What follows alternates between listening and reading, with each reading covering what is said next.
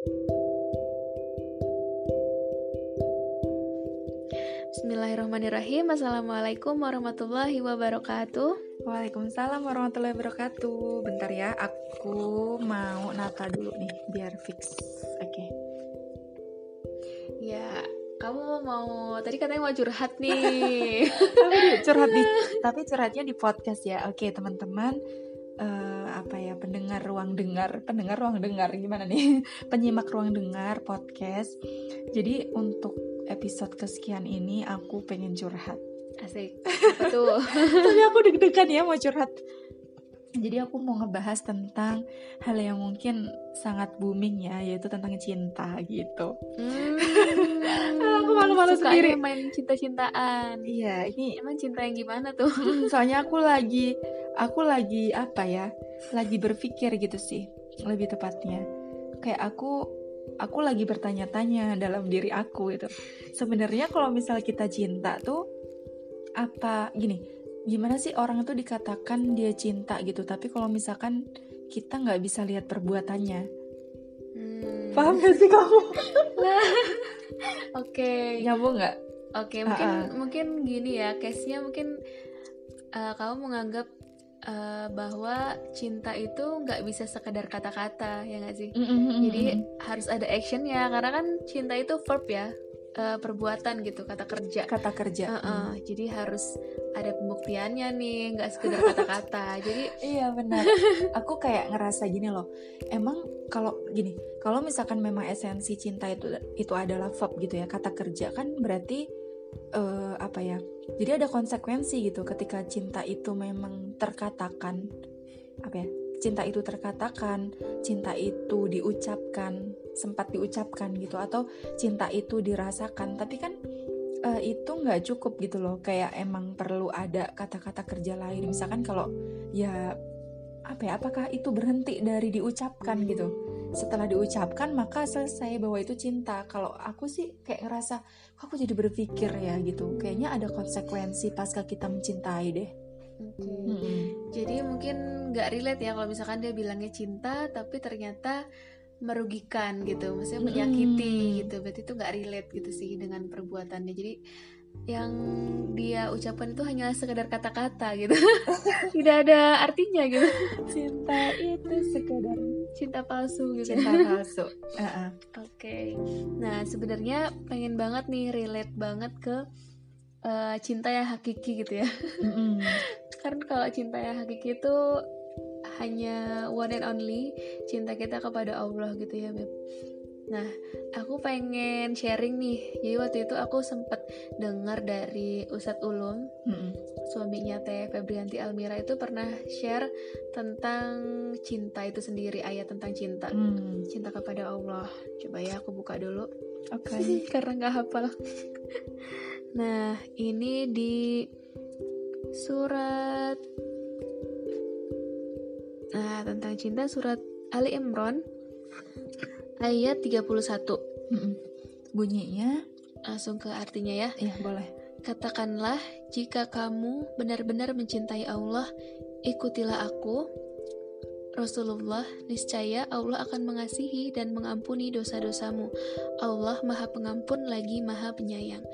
Jadi di sini dijelasin ya bahwa kalau kita itu mengaku kita mencintai Allah, kita tuh harus mengikuti Rasulullah gitu ya itu hmm. highlightnya ya cinta kepada Allah harus mengikuti Rasulullah dan seperti yang kita bilang tadi bahwa hmm. cinta tanpa aksi nyata itu hanyalah sebuah kata-kata gitu nah asik. itu sih itu itu sebenarnya kayak apalagi di masa Ramadan kayak gini gitu ya hmm. kadang aku rasa sebenarnya kegelisahan aku itu uh, bukan tentang cinta pada manusia gitu ya hmm. tapi kayak lebih ke cinta kepada Allah gitu kalau misalkan kita ngerasa kita tuh gini misalkan ada ada konsekuensi ketika kita memang sudah mengucapkan ayat Allah gitu. Maka ada pertanggungjawaban bahwa ya ketika kita memang sudah bersyahadat gitu ya. Hmm. itu artinya kita bersyahadat bukan untuk siapa pun gitu. Maksudnya dalam hal ini untuk manusia gitu. Tapi ya pada dasarnya ketika kita memang mencintai Allah itu ya ada hal-hal yang akan apa ya akan kita lakukan gitu sebagai bukti bahwa kita mencintai Allah gitu kan. Misalkan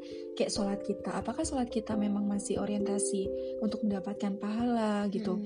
apakah memang uh, pekerjaan-pekerjaan yang kita lakukan adalah orientasinya masih ingin masuk surga gitu? Kok kok rasa-rasanya aku udah mikir enggak loh sebenarnya kita melakukan sesuatu tuh karena memang kita cinta sama Allah gitu. Ya gak sih? Sebenarnya capaian hmm. tertingginya itu adalah cinta gitu hmm, sih betul nah relate kayak yang tadi ya uh, sebenarnya kalau kita cinta kepada Allah itu kan harus mengikuti Rasulullah hmm. nah sebenarnya hal-hal apa sih yang harus kita ikutin dari Rasulullah gitu nah uh, kalau yang waktu itu aku dengar ya dari Ustadz Ulum bahwa sebenarnya memang apa pun yang Rasulullah lakukan ketika beliau ditunjuk sebagai messenger of Allah gitu ya. Mm -hmm.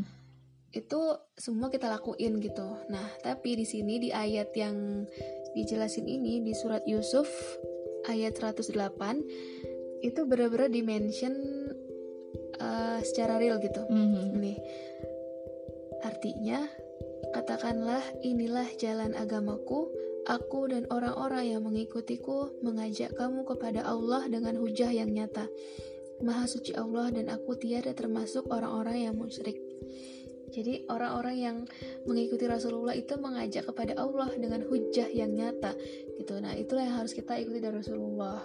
Nah, ini maknanya apa sih sebenarnya? Hmm. Maknanya itu kan kita tetap mengajak orang lain untuk uh, kebaikan ya. dekat ya? kepada hmm, Allah dekat sama Allah dekat dengan kebaikan gitu it means dakwah gitu hmm, jadi memang masuk masuk mm, iya, jadi iya. ketika kita mencintai Allah ya berarti kita punya peran dakwah di situ konsekuensi kita di situ. Gitu betul. Sih. dan dan aku sendiri ya maksudnya kayak mengartikan ketika kita misalkan di suatu kesempatan kita emang ada di lingkaran apa ya di lingkaran ilmu gitu ya. Kalau aku sih berpikirnya gini kalau misalkan kita mendapatkan sesuatu gitu apakah kita akan berhenti dengan mengkip itu gitu misalkan hmm. Eh, misalkan kita beruntung banget gitu ya misal ada di sini sekarang dengan kondisi kita setiap hari dalam mengkaji ilmu gitu kita kita berada di majelis-majelis apa ya majelis-majelis yang memang cahaya gitu hmm. kan ilmu itu cahaya ya itu yang yeah. menerangi hati kita itu bahkan yang melembutkan hati kita salah satunya adalah dengan adanya ilmu itu yang masuk dalam hati kita gitu kan. Hmm. Nah, jadi apakah kita akan berhenti di oke okay, saya mendapatkan ilmu itu, gitu. tapi kan ada setelahnya kita mendapatkan ilmu ya uh, habis itu apa ya konkret hal konkret yang bisa kita lakukan adalah dengan beramal gitu beramal soli cuma kan kita kalau beramal soli itu kita yang mendapatkan ketenangan gitu kan setelah itu ya. sendiri gitu apakah akan berhenti juga di amal solih kita pribadi gitu nah ada ada hal lain setelah kita amal gitu. Apa? Yaitu didakwahkan gitu. Karena ternyata kita tuh nggak cukup untuk menjadi solih sendiri gitu. Tapi kita juga perlu menjadi sosok yang muslih. Nah muslih ini adalah mensolihkan orang lain. Nah ini sih yang kita sebagai anak milenials ya. Kayak aku tuh dapat pesan gitu dari mentor aku waktu itu. Uh, jadi beliau tuh lebih menyampaikan seperti ini. Kan waktu itu aku uh, lebih apa ya aku tuh ragu gitu loh mau mau untuk berkarya tapi berkaryanya itu yang benar-benar show up gitu ya maksudnya benar-benar kayak misal bikin karya yang kalau online ya online terus aku sampai bikin misalkan kayak podcast kayak gini aku dulu mikirnya kayak aku berpikir ulang banget buat bikin kayak beginian gitu ya pun banyak ketika tantangannya ya, gitu. banyak tantangannya gitu dan aku pun sendiri berpikir bahwa sebelum kita benar-benar uh, apa ya memutuskan untuk dakwah di yang lebih luas gitu. Memang kita perlu memikirkan dulu gitu apakah kita udah siap apakah ilmu kita memang sudah cukup gitu kayak hmm. begitu sih. Dan ada konsekuensi yang emang aku harus terima gitu. Nah di situ kan aku ragu tuh karena mau tampil gitu kan. Terus aku diginiin sama mentor aku. Um, gini dek gitu kan manggilnya dek dek uh, dunia ini tuh udah terlalu riuh gitu dengan apa namanya arus informasi gitu. Iya. Tapi yang perlu kita lakukan sebagai millennials gitu, ya kamu perlu untuk ambil peran. Ambil perannya adalah ketika memang di sana keburukan serasa bising sekali, maka sudah saatnya gitu bahwa kebaikan pun harus jangan jangan pernah kalah kalah bising Kalah, gitu loh. iya. Mm-mm. Jangan kalah berisik ya. Mm-mm, jangan kalah berisik justru kebaikan itu yang harus harus berisik gitu. Nah dari situ ya aku pulang tuh benar-benar aku mikir kan iya ya benar gitu. Emang sebagai sosok yang apa ya ya kita kita terus ya menjadi sosok yang pembelajar gitu. Nah tapi jangan sampai gitu kita menjadi sosok yang egois gitu ya dengan menelan ilmu itu sendiri lalu kita mengamalkan dengan apa ya orientasi solih pribadi gitu. Tapi ada ada nih makna khalifah fil art gitu yang memang itu sebagai peran kita gitu ya peran kita di dunia ini gitu. Kalau apa ya kan kita juga tahu ya kita berdua kan juga merasakan bagaimana seorang bapak itu Pak Is ya di sini ya Pak Is itu adalah mentor kita gitu. Selalu mengatakan di kelas bahwa ya tugas kalian di dunia ini atau di bumi ini tuh apa ya tertinggi apa ya eh, level tertinggi itu adalah di mana ketika kamu menjadi sosok yang benar-benar damai kamu menjadi sosok yang tenang dan kamu tuh benar-benar memegang love and share gitu. Love and share itu berarti cinta dan terus berbagi. Iya. mencintai sesama. Mm-mm. terus kita mempunyai kemanusiaan yang sangat apa ya yang sangat peduli gitu dengan orang lain gitu. Dan apa ya apa-apa tuh tidak mementingkan diri kita gitu tapi kita juga punya bahwa kita tuh ada di lingkaran yang besar gitu Bener banget. Mm-mm. Dan aku ngerasanya gini, gimana kita bisa membagikan cinta yang sedemikian besar kalau kita nggak mendapatkan cinta itu dari Allah gitu. betul Jadi betul. ketika kita ngerasa bahwa kita penuh cinta nih dari Allah, pasti nih pasti otomatis kita bakal secara eh, nggak langsung tuh bakal share cinta itu kepada orang-orang banyak gitu. Karena ya ya aku punya cinta yang begitu full gitu. Kenapa gak aku share gitu sih? Jadi kayak kedekatan sama Allah, cinta pada Allah itu bakal berefeknya cinta kepada manusia juga gitu pada akhirnya gitu. Kita merasa diri ini tuh ya udah selesai gitu. Kita udah penuh cinta gitu. aku sepakat sama kamu Mm-mm. Nah, dari tadi kan kita kita mention dakwah gitu ya Mm-mm. Nah, terus kan aku punya case nih, maksudnya eh, teman-teman juga banyak yang ngerasa bahwa sebenarnya dakwah itu yang kayak gimana kok jadi ngeri kedengerannya gitu. Maksudnya kayak dengernya jadi ngeri ya. Sebenarnya dakwah itu dakwah yang kayak gimana sih gitu. Iya, apakah orang Hmm. biasa juga bisa dakwah? Nah, gitu? betul. Nah, kalau dakwah- kamu gimana? Apakah dakwah itu harus kayak ustadz-ustadz yang di mimbar gitu ya? Hmm. Yang ilmunya udah capability-nya udah tinggi banget gitu kan gitu. Nah, menurut aku enggak sih sebenarnya dakwah itu bagaimana kita bisa sharing tentang kebaikan kita ke orang lain. Simply misalkan dari kita ini deh eh, berbagi makanan aja Hmm. kepada tetangga kita gitu misalkan kepada kamu gitu ya tetangga aku gitu itu Tetangga kan masa kayak gitu. mencontohkan love and share itu udah bagian dari dakwah gitu jadi hal simpel kayak gitu pun bisa jadi dakwah nah cuman eh, sebisa mungkin dakwah yang kita lakukan ini punya dampak yang lebih luas gitu jadi satu orang melakukan kebaikan bisa jadi ngangkut satu rombongan gitu Hmm, iya. Jadi kayak kayak gini deh. Satu pioner kebaikan nih. Misalkan Mm-mm. kita buang sampah pada tempatnya, misalkan. Mm, Terus habis itu kita sering tuh melakukan itu terus gitu dan kita mencoba untuk mengajak teman-teman kita melakukan hal yang sama tapi dengan mengawali ke eh, mengawali dengan keteladanan gitu ya. keteladanan Nah, terus kita ngajaklah komunitas kita untuk eh, misalkan melakukan hal yang sama Mm, dengan gitu. kita gitu. Betul dan dan secinta itu pada lingkungan gitu sebagai bentuk eh, kita cinta pada Allah maka kita menjaga apa yang diciptakan sama Allah gitu kan. Iya. Nah, sebisa mungkin kalau ada satu orang baik, misalnya satu kebaikan yang kita lakukan, semoga ada satu rombongan orang yang juga mengikuti kebaikan itu gitu. Mm-mm. Nah, kalau misalkan itu disebut sebagai amal jariah ya, jadi amal berantai gitu. Jadi satu kebaikan, satu yang kita lakukan tapi bisa apa membuat orang lain atau banyak orang yang melakukan kebaikan juga gitu. Mm-mm. Dan itu bakal balik ke kita sendiri loh, kita yang bakal ngerasain betapa energi positifnya mereka tuh masuk ke kita juga gitu, Mm-mm, mm-mm. gitu sih. Di samping memang itu kita bakal lewat pahalanya ya, bakal lewat pahala dan bakal dapat energi positif dari orang yang melakukan kebaikan karena kita gitu. Mm-mm. Jadi luar biasa banget sih gitu. Dan satu hal lagi sih sih sebenarnya. Mm-mm. Eh, jadi positifnya ketika kita memang melakukan dakwah gitu ya. Mm-mm. Satu hal itu itu sebagai reminder diri sendiri. Iya jelas yang pertama kali diingatkan itu kan diri sendiri ya ketika kita Mm. ngomongin orang ngomongin untuk nggak buang sampah sembarangan aja itu kan yang paling deket dengan telinga itu kan kita sendiri telinga diri sendiri gitu jadi Iya, kayak betul. ngerimain sendiri gitu betul jadi kayak semacam gini deh ketika kita misalkan nih kita menerapkan kita sudah Mm-mm. melakukan lalu kita mengajak orang lain nih nah someday ketika kita memang lupa gitu kita Mm-mm. bakal bakal bisa keinget gitu iya Nah, kayak gitu sih. Kayak lebih apa ya? Bahwa eh, misalkan kayak karya podcast ini deh, kita sering kan beberapa kali bahkan sampai episode ke-9 itu kita ngerasa kalau kita mau misalkan kayak kita mulai khawatir dengan kehidupan atau masa depan gitu. iya Kita kita tuh kan kayak gini. Ingat loh kita kemarin habis bikin podcast dan itu tentang sadar dan khawatir gitu bahwa hidup Iya, tuh iya. perlu sadar bukan perlu khawatir gitu. bener Kayak kayak bener-bener oh iya ya bener gitu. Jadi pas kita khawatir kita inget lagi kan kita kemarin udah bahas ini jadi nggak nggak boleh dong khawatir kayak gitu jadi Hmm, ya udah kita memproduksi sebanyak-banyaknya oksitosin gitu, dengan berpikir positif seperti itu sih. Jadi relate ke diri sendiri gitu terus ya itu kita penuh dengan cinta ya love and share jadinya. Jadi Mm-mm. Memproduksi oksitosin yang banyak gitu sih.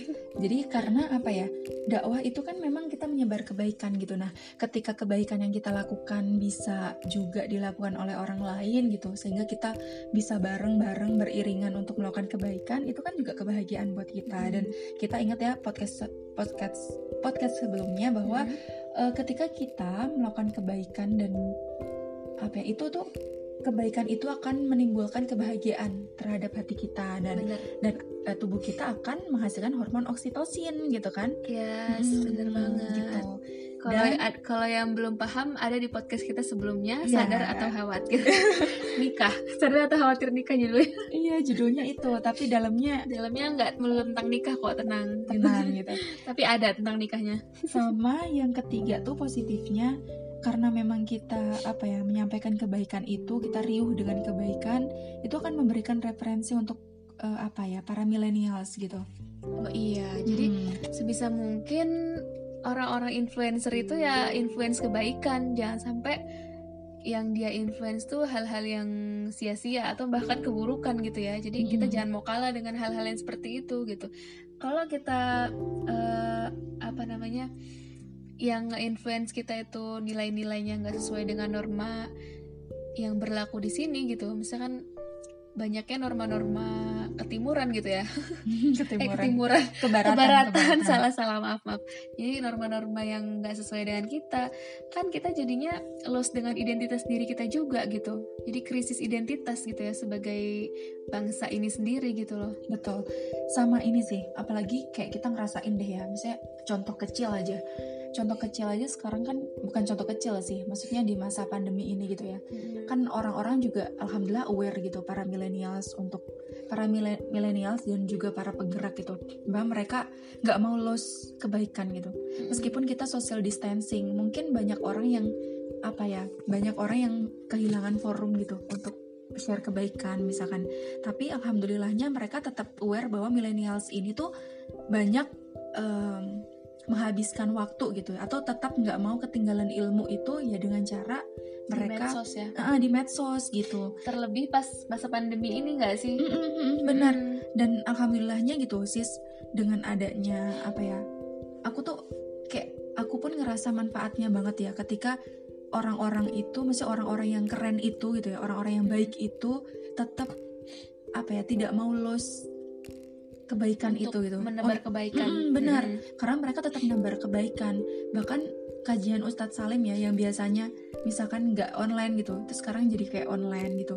Banyak Hmm. banget. Tega Ida juga banyak share tentang apa namanya aktivitas tentang parenting juga tentang Al-Quran juga tetap gitu di medsos juga. Jadi lebih rajin gitu sih. Kayak aku ngerasa alhamdulillah gitu. Ternyata giroh untuk berdakwah itu nggak los meskipun kita social distancing gitu sih. Iya, bener banget. Mm. Nah, cuman gini sih, kadang banyak nih case-nya.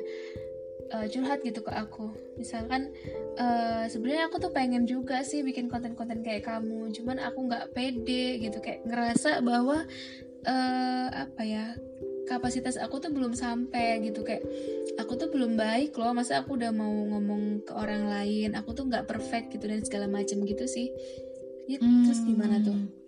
Sebenarnya itu pun apakah juga kita rasakan gitu? Nah? ya kan? Kalau kita, kita juga ngerasa gitu sebenarnya. Kalau ada awalnya kita, ya. kalau dibalikin ke kita kita juga pasti ngerasa kayak gitu gitu. Iya. Apakah Dwi sama Teh Ayu juga ngerasa udah baik sehingga memang mengambil peran untuk di podcast ruang dengar? Ya kami kami mengakui secara jujur ya kami sangat jauh dari baik gitu. Bahkan setiap hari itu setiap podcast itu launching kita selalu memberikan refleksi terhadap diri kita sendiri itu. Kita pasti review dulu kan kayak gitu. Tapi kadang sempet loh ada beberapa tema yang memang akhirnya kita cancel untuk kita pot eh, post apa ya post gitu ya. Hmm. ya Allah aku belibet banget deh kebanyakan makan. Terus em, jadi apa ya kayak semacam apakah rasa itu juga cuma teman-teman rasakan. Saya kira enggak gitu loh tapi kami juga berdua tuh ngerasain itu. Cuma kita ingat lagi gitu. Hmm, justru ketika kita merasa sudah perfect terus kita merasa sudah cukup ilmu kok rasa-rasanya kita sombong ya di sana gitu? Paham nggak sih maksudnya? Padahal eh, hidup itu ya never ending proses loh. Kita nggak Hmm. akan sampai di titik kita bener-bener em, perfect gitu. Perfect itu hanya milik Allah gitu. Sementara yang bisa kita lakukan sebagai hamba ya terus berproses untuk meningkatkan kapasitas diri gitu sih. Sama ingat gitu kita nggak pernah tahu ya kebaikan sederhana atau kebaikan kecil mana yang pada akhirnya itu bisa menggerakkan orang lain gitu jadi yang yang bisa kita lakukan ketika kita mendapatkan kebaikan ya kita menyebar juga kebaikan itu gitu sih Oke, Mm. aku juga ini nih pernah baca dari tulisan Teh Juan ya. Mm-mm. Jadi tentang berkarya gitu. Sebisa mungkin tuh kita jangan minder dulu gitu tentang karya. Kalau misalkan kita udah minder duluan nih, coba kita lihat gitu. eh Imam besar eh, ini ya, Imam Syafi'i. Mm. Itu ketika dulu semasa kecilnya, apakah dia eh, ketika belajar dan berguru itu dia menunggu punya alat tulis dulu? Kan enggak gitu. Jadi dia eh, langsung belajar aja terus gitu. Dan sekarang kita mendengar dong masyurnya namanya Imam Syafi'i gitu sebagai salah satu mazhab terbesar di dunia gitu. Pun eh, eyang kita ya, Bapak Habibie gitu, yang sangat berjuang untuk bangsa kita. Apakah dia pas eh, berjuang itu apakah dia menunggu Indonesia itu punya owner diri yang lengkap dan punya ratusan ahli teknik? Kan enggak. Tapi dia tetap berusaha dan pada akhirnya kita mendengar kan nama N250 Garut Gatot Kaca itu mengudara gitu di langit Indonesia gitu. Masya Allah banget. Jadi jujur orang-orang yang ada di atas itu juga ngerasain kok apa yang kita rasain gitu. Betul Maksudnya betul. dulunya gitu. Jadi kita jangan pernah takut untuk berkarya gitu sih. Iya karena memang karya ya dakwah gitu ya. Mm, karya dakwah gitu. Tapi memang nggak akan pernah usai gitu. Justru ketika kita merasa cukup di situlah kita berhenti belajar. Benar. Ya nggak? Iya benar. Nah, jadi karena kita itu itu rasa yang bagus ya dalam arti ketika kita ngerasa aku belum cukup ilmu. Nah, justru itu loh kita ketika kita ngerasa nggak apa ya belum cukup ya terus kita belajar gitu. Cuma di sana ya terus dibarengi untuk berkarya terus gitu, Iya. untuk berdakwah gitu. untuk ini sih terus mengupgrade diri Mm, menuju ke perfection ya maksudnya betul. karena kan kita sebagai muslim itu kan memang Allah itu udah bikin kita untuk disiplin dan perfection sebenarnya dari kita waktu-waktu sholat dari Itu tata menata syaf tata- ya. uh, tataan saf sholat itu kan udah perfection banget tuh jadi secara nggak langsung kita tuh sebenarnya dididik sama Allah untuk bisa jadi orang yang disiplin terus yang perfection gitu Betul. Aku sepakat banget soal itu ya. Hmm. Em, apa ya ketika kita jadi gini sih teman-teman gitu ya Eh, ket- memang dakwah ini kan punya konsekuensi ya punya konsekuensi dalam hal ini ketika kita memang memutuskan untuk menebar kebaikan gitu ya. Itu ada tiga konsekuensi gitu yang yang kami berdua coba susun gitu. Yang pertama Mm-mm. adalah belajar. Dari tadi gitu. Justru kita harus khawatir sama diri kita sendiri ketika kita merasa oke aku sudah cukup ilmu. Itu itu bahaya, ya. gitu loh. Kayak di situlah sebenarnya kita titik berhenti belajar. Mm-mm. dan ketika kita berhenti belajar ya kita bisa tahu gitu. Justru ilmu kita akan segitu gitu. Iya. nah tapi ketika kita ngerasa apa ya oke saya berdakwah ya berarti harus siap untuk berproses seumur hidup. Belajar seumur hidup harus terus haus lah. Stay hungry and stay foolish gitu. Mm-mm. terus yang kedua perfection yang kamu tadi udah sebutin gitu. Mm-mm. kita harus terus upgrade diri. Jadi kalau misalkan misalkan gini deh, eh, dalam rangkaian berkarya itu pasti ada komentar, ya ya kan? benar-benar Kamu pernah nggak ngedapetin komentar dari kamu bi- bikin podcast ini? Eh, jujur sih pernah ya maksudnya Mm-mm. lebih ke ini sih maksudnya ketika kita ngomongnya itu tentang kebaikan gitu kan. Tapi terus kita kan manusia nggak sempurna ya sis. Jadi maksudnya ada flaws juga gitu. Terus di sisi lain tuh kita melakukan kesalahan gitu. Hmm. terus kayak uh, mungkin di komen gitu kok kamu ini aja nih ngomongnya aja bagus di podcast padahal mah gini gitu aslinya mungkin ya komen kayak gitu. Nah jadi ngerasa kayak waduh gitu. Sebenarnya itu juga jadi uh, reminder buat diri sih gitu. Buat terus memperbaiki diri gitu. Supaya apa ya apa yang kita omongin tuh bisa ngena juga di orang lain gitu. Betul. Itu konsekuensi mm -hmm. yang ketiga ya yang kamu sebutin yang ketiga, barusan. Kita reminder ke mm -hmm. diri sendiri dan sebenarnya yakin sih kalau Allah tuh tahu mana yang mana yang kayak kita nggak berupaya atau berupaya untuk menginternalisasikan apa yang kita omongin gitu. Jadi aku sih ngerasanya untuk kita dakwah berbicara tentang sesuatu itu nggak nunggu kita sampai perfect banget melakukan segala hal ya gitu. Yang penting kita berupaya aja untuk terus bisa baik di segala sisi gitu sih. Betul. Jadi uh, apa ya dengan dengan kita memilih jalan untuk muslih ya dalam hal ini menyampaikan kebaikan gitu ya memang ada banyak hal yang perlu kita terus lakukan gitu termasuk ya terus mendekat kepada Allah gitu. Bahkan kan kita sering ya misalkan sebelum kita rekaman kayak gini kan kita juga ngecek amal yomi kita gitu. Mm-hmm. enggak sih? Misalkan kayak mau rekaman terus lu kalau misalkan mau mau rekaman sok kalau mau tilawah dulu gitu. Atau sok gitu misalkan duha dulu diselesain dulu gitu benar-benar. Karena memang gini sih kebersihan hati itu akan membuat kita juga apa ya ketika kita dekat sama Allah gitu ya itu akan beda lah kualitas apa yang kita bicarakan. Kamu percaya itu nggak? Percaya banget. Jadi hmm. tentang apa ya kayak Allah tuh ridho gitu. Kalau kita uh, menebar kebaikan itu dengan hati yang udah lebih bersih dari sebelumnya hmm. gitu sih. Jadi apa ya kayak keberkahan waktu aja sih. Jadi yang kita lakukan tuh berkualitas gitu loh. Iya betul. Ketika Allah ridho gitu. Sama aku percaya ini sih jadi ketika kita memang menjaga hubungan dengan Allah gitu ya kita menjaga frekuensi dengan Allah tuh kayak kita lisan kita tuh dibimbing gitu Mm-mm. ngerasa nggak sih kayak misal rekaman kayak gini kan kita juga pasti bikin konsep dulu gitu tapi kadang juga konsep itu terlaksana atau kadang enggak gitu kan tapi yeah, kita bener. improve sendiri gitu Mm-mm. tapi jujur gitu untuk bisa menyampaikan sesuatu tuh memang nggak mungkin loh kita bisa bicara itu tanpa pertolongan Allah gitu. Jadi kayak benar-benar ketika kita memperbaiki hubungan sama Allah gitu ya sebelum kita membuat karya ya insya Allah gitu bakal dibimbing di setiap stepnya gitu. Iya. Hmm. ya jadi kalau misalkan ada kita kan karya kita jauh dari perfection ya. Iya benar itu justru menandakan bahwa kita kurang harus, banget sih. Uh, uh, harus terus mengupgrade kedekatan kita sama Allah sih itu sebenarnya. Lebih ke hmm. refleksinya kayak gitu juga gitu. Ini apa ya salah nih ketika rekaman kita nggak malah jadi lebih buruk dari sebelumnya gitu kan. Padahal kan harusnya lebih baik ya gitu. Jadi ini ada yang salah nih kita yang harus perbaikin juga gitu. Kedekatan sama Allah tuh seharusnya kita upgrade juga gitu untuk bisa uh, apa ya karya kita dakwah kita itu bisa ngena juga ke orang lain gitu. Jadi apa yang dari hati itu kan akan, akan sampai, sampai ke, ke hati, hati juga hmm. gitu pada akhirnya gitu sih. Iya itulah tadi apa ya ya tadi ada case juga ada yang nggak pede gitu ya terus hmm. ada yang apakah harus nunggu uh, perfection dulu atau nunggu perfect dulu baru dia bisa untuk berkarya gitu tadi yeah. udah insya Allah semoga bisa memberikan pandangan ya gitu iya yeah, benar dan sebenarnya kalau kita ngomongin dakwah itu kan kita menebar kebaikan sesederhana dan sekecil apa pun gitu ya. Dan itu tuh sebagai bentuk karena kita cinta pada Allah gitu. Ya, balik lagi ke yang awal ya bahwa hmm. yang kita lakuin ini bentuk cinta kepada Allah jadi terlepas dari apa pun komentar orang lain, mau kita insecure juga dengan kemampuan kita, tetap aja kita ingetnya kita ngelakuin ini buat Allah, insya Allah gitu. Mudah-mudahan Allah ridho gitu sih dengan apa yang kita perbuat ini gitu. Betul. Itu aja. Bismillah gitu ya.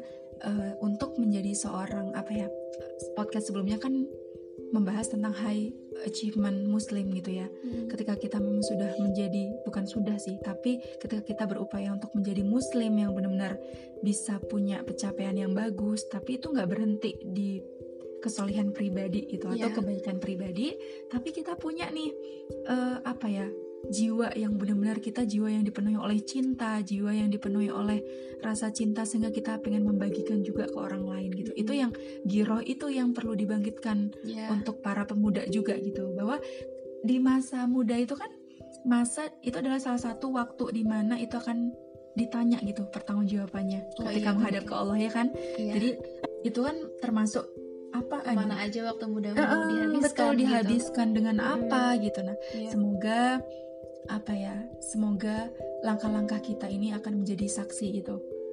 Ya cukuplah gitu. Misalkan apa yang kita lakukan sekecil apa pun itu bisa menjadi apa ya bentuk tanggung jawab kita gitu kepada Allah gitu. Ya. Pun apa ya aku sempat ini sih keinget juga sama eh, ceramahnya Ustadz Adi Hidayat gitu. Hmm. ketika kita berdakwah itu kan kita mengajak orang ya gitu Mm-mm.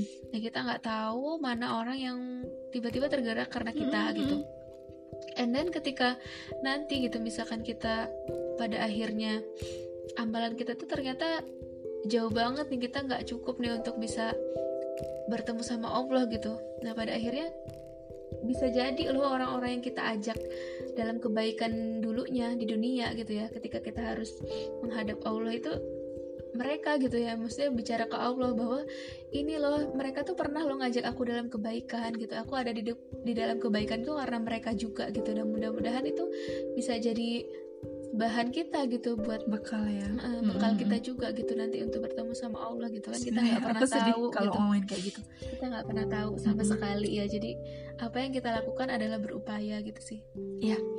Dan em, apa ya kalau kata bapak gitu ya yang sering. Aku jadi sedih. Aku jadi tiba-tiba melo gitu sih. Jadi kayak ya semoga kita semua tuh tahu jalan pulang gitu. Dan dakwah ini adalah bentuk kita untuk sama-sama apa ya sama-sama sama-sama mengupayakan kita tahu untuk jalan pulang gitu. Ya jalan pulang itu kan jalan menuju Allah gitu. Yang kita tahu jalan menuju Allah adalah salah satunya dengan terus menebar cinta di muka bumi gitu ya. Ini hal kecil yang hal sederhana yang bisa kita berdua lakukan gitu lewat podcast ruang dengar yang pasti itu banyak salahnya gitu. Pasti banyak nggak sempurnanya gitu ya. Tapi bismillah gitu, doakan kami gitu untuk tetap konsisten di podcast ruang dengar ini dengan terus memperbaiki konten-kontennya gitu ya. Aku jadi sedih serius. Aku jadi sedih. Jadi Bismillah gitu, ayo teman-teman juga gitu yang para pendengar podcast untuk nggak berhenti untuk menjadi sosok yang baik gitu ya, tapi juga sosok yang membaikkan gitu. Dan itu tugas kita bersama itu. Kita harus bisa saling menguatkan di jalan kebaikan sehingga kita bisa sama-sama tahu jalan pulang menuju Allah gitu. Amin, amin ya rabbal Kayaknya-. Kayak kita harus akhiri deh. Ya, ini aku udah jadi melo mulai banget. melo ya Ah. ini. Ya, masya Allah ya. Barakallah Mbak Dwi. Barakallah teh Ayu juga. Jadi kita akhiri dulu ya podcast malam hari ini, episode Ya. kali ini maksudnya. Kali ini. Ya, wassalamualaikum warahmatullahi wabarakatuh. Waalaikumsalam warahmatullahi wabarakatuh.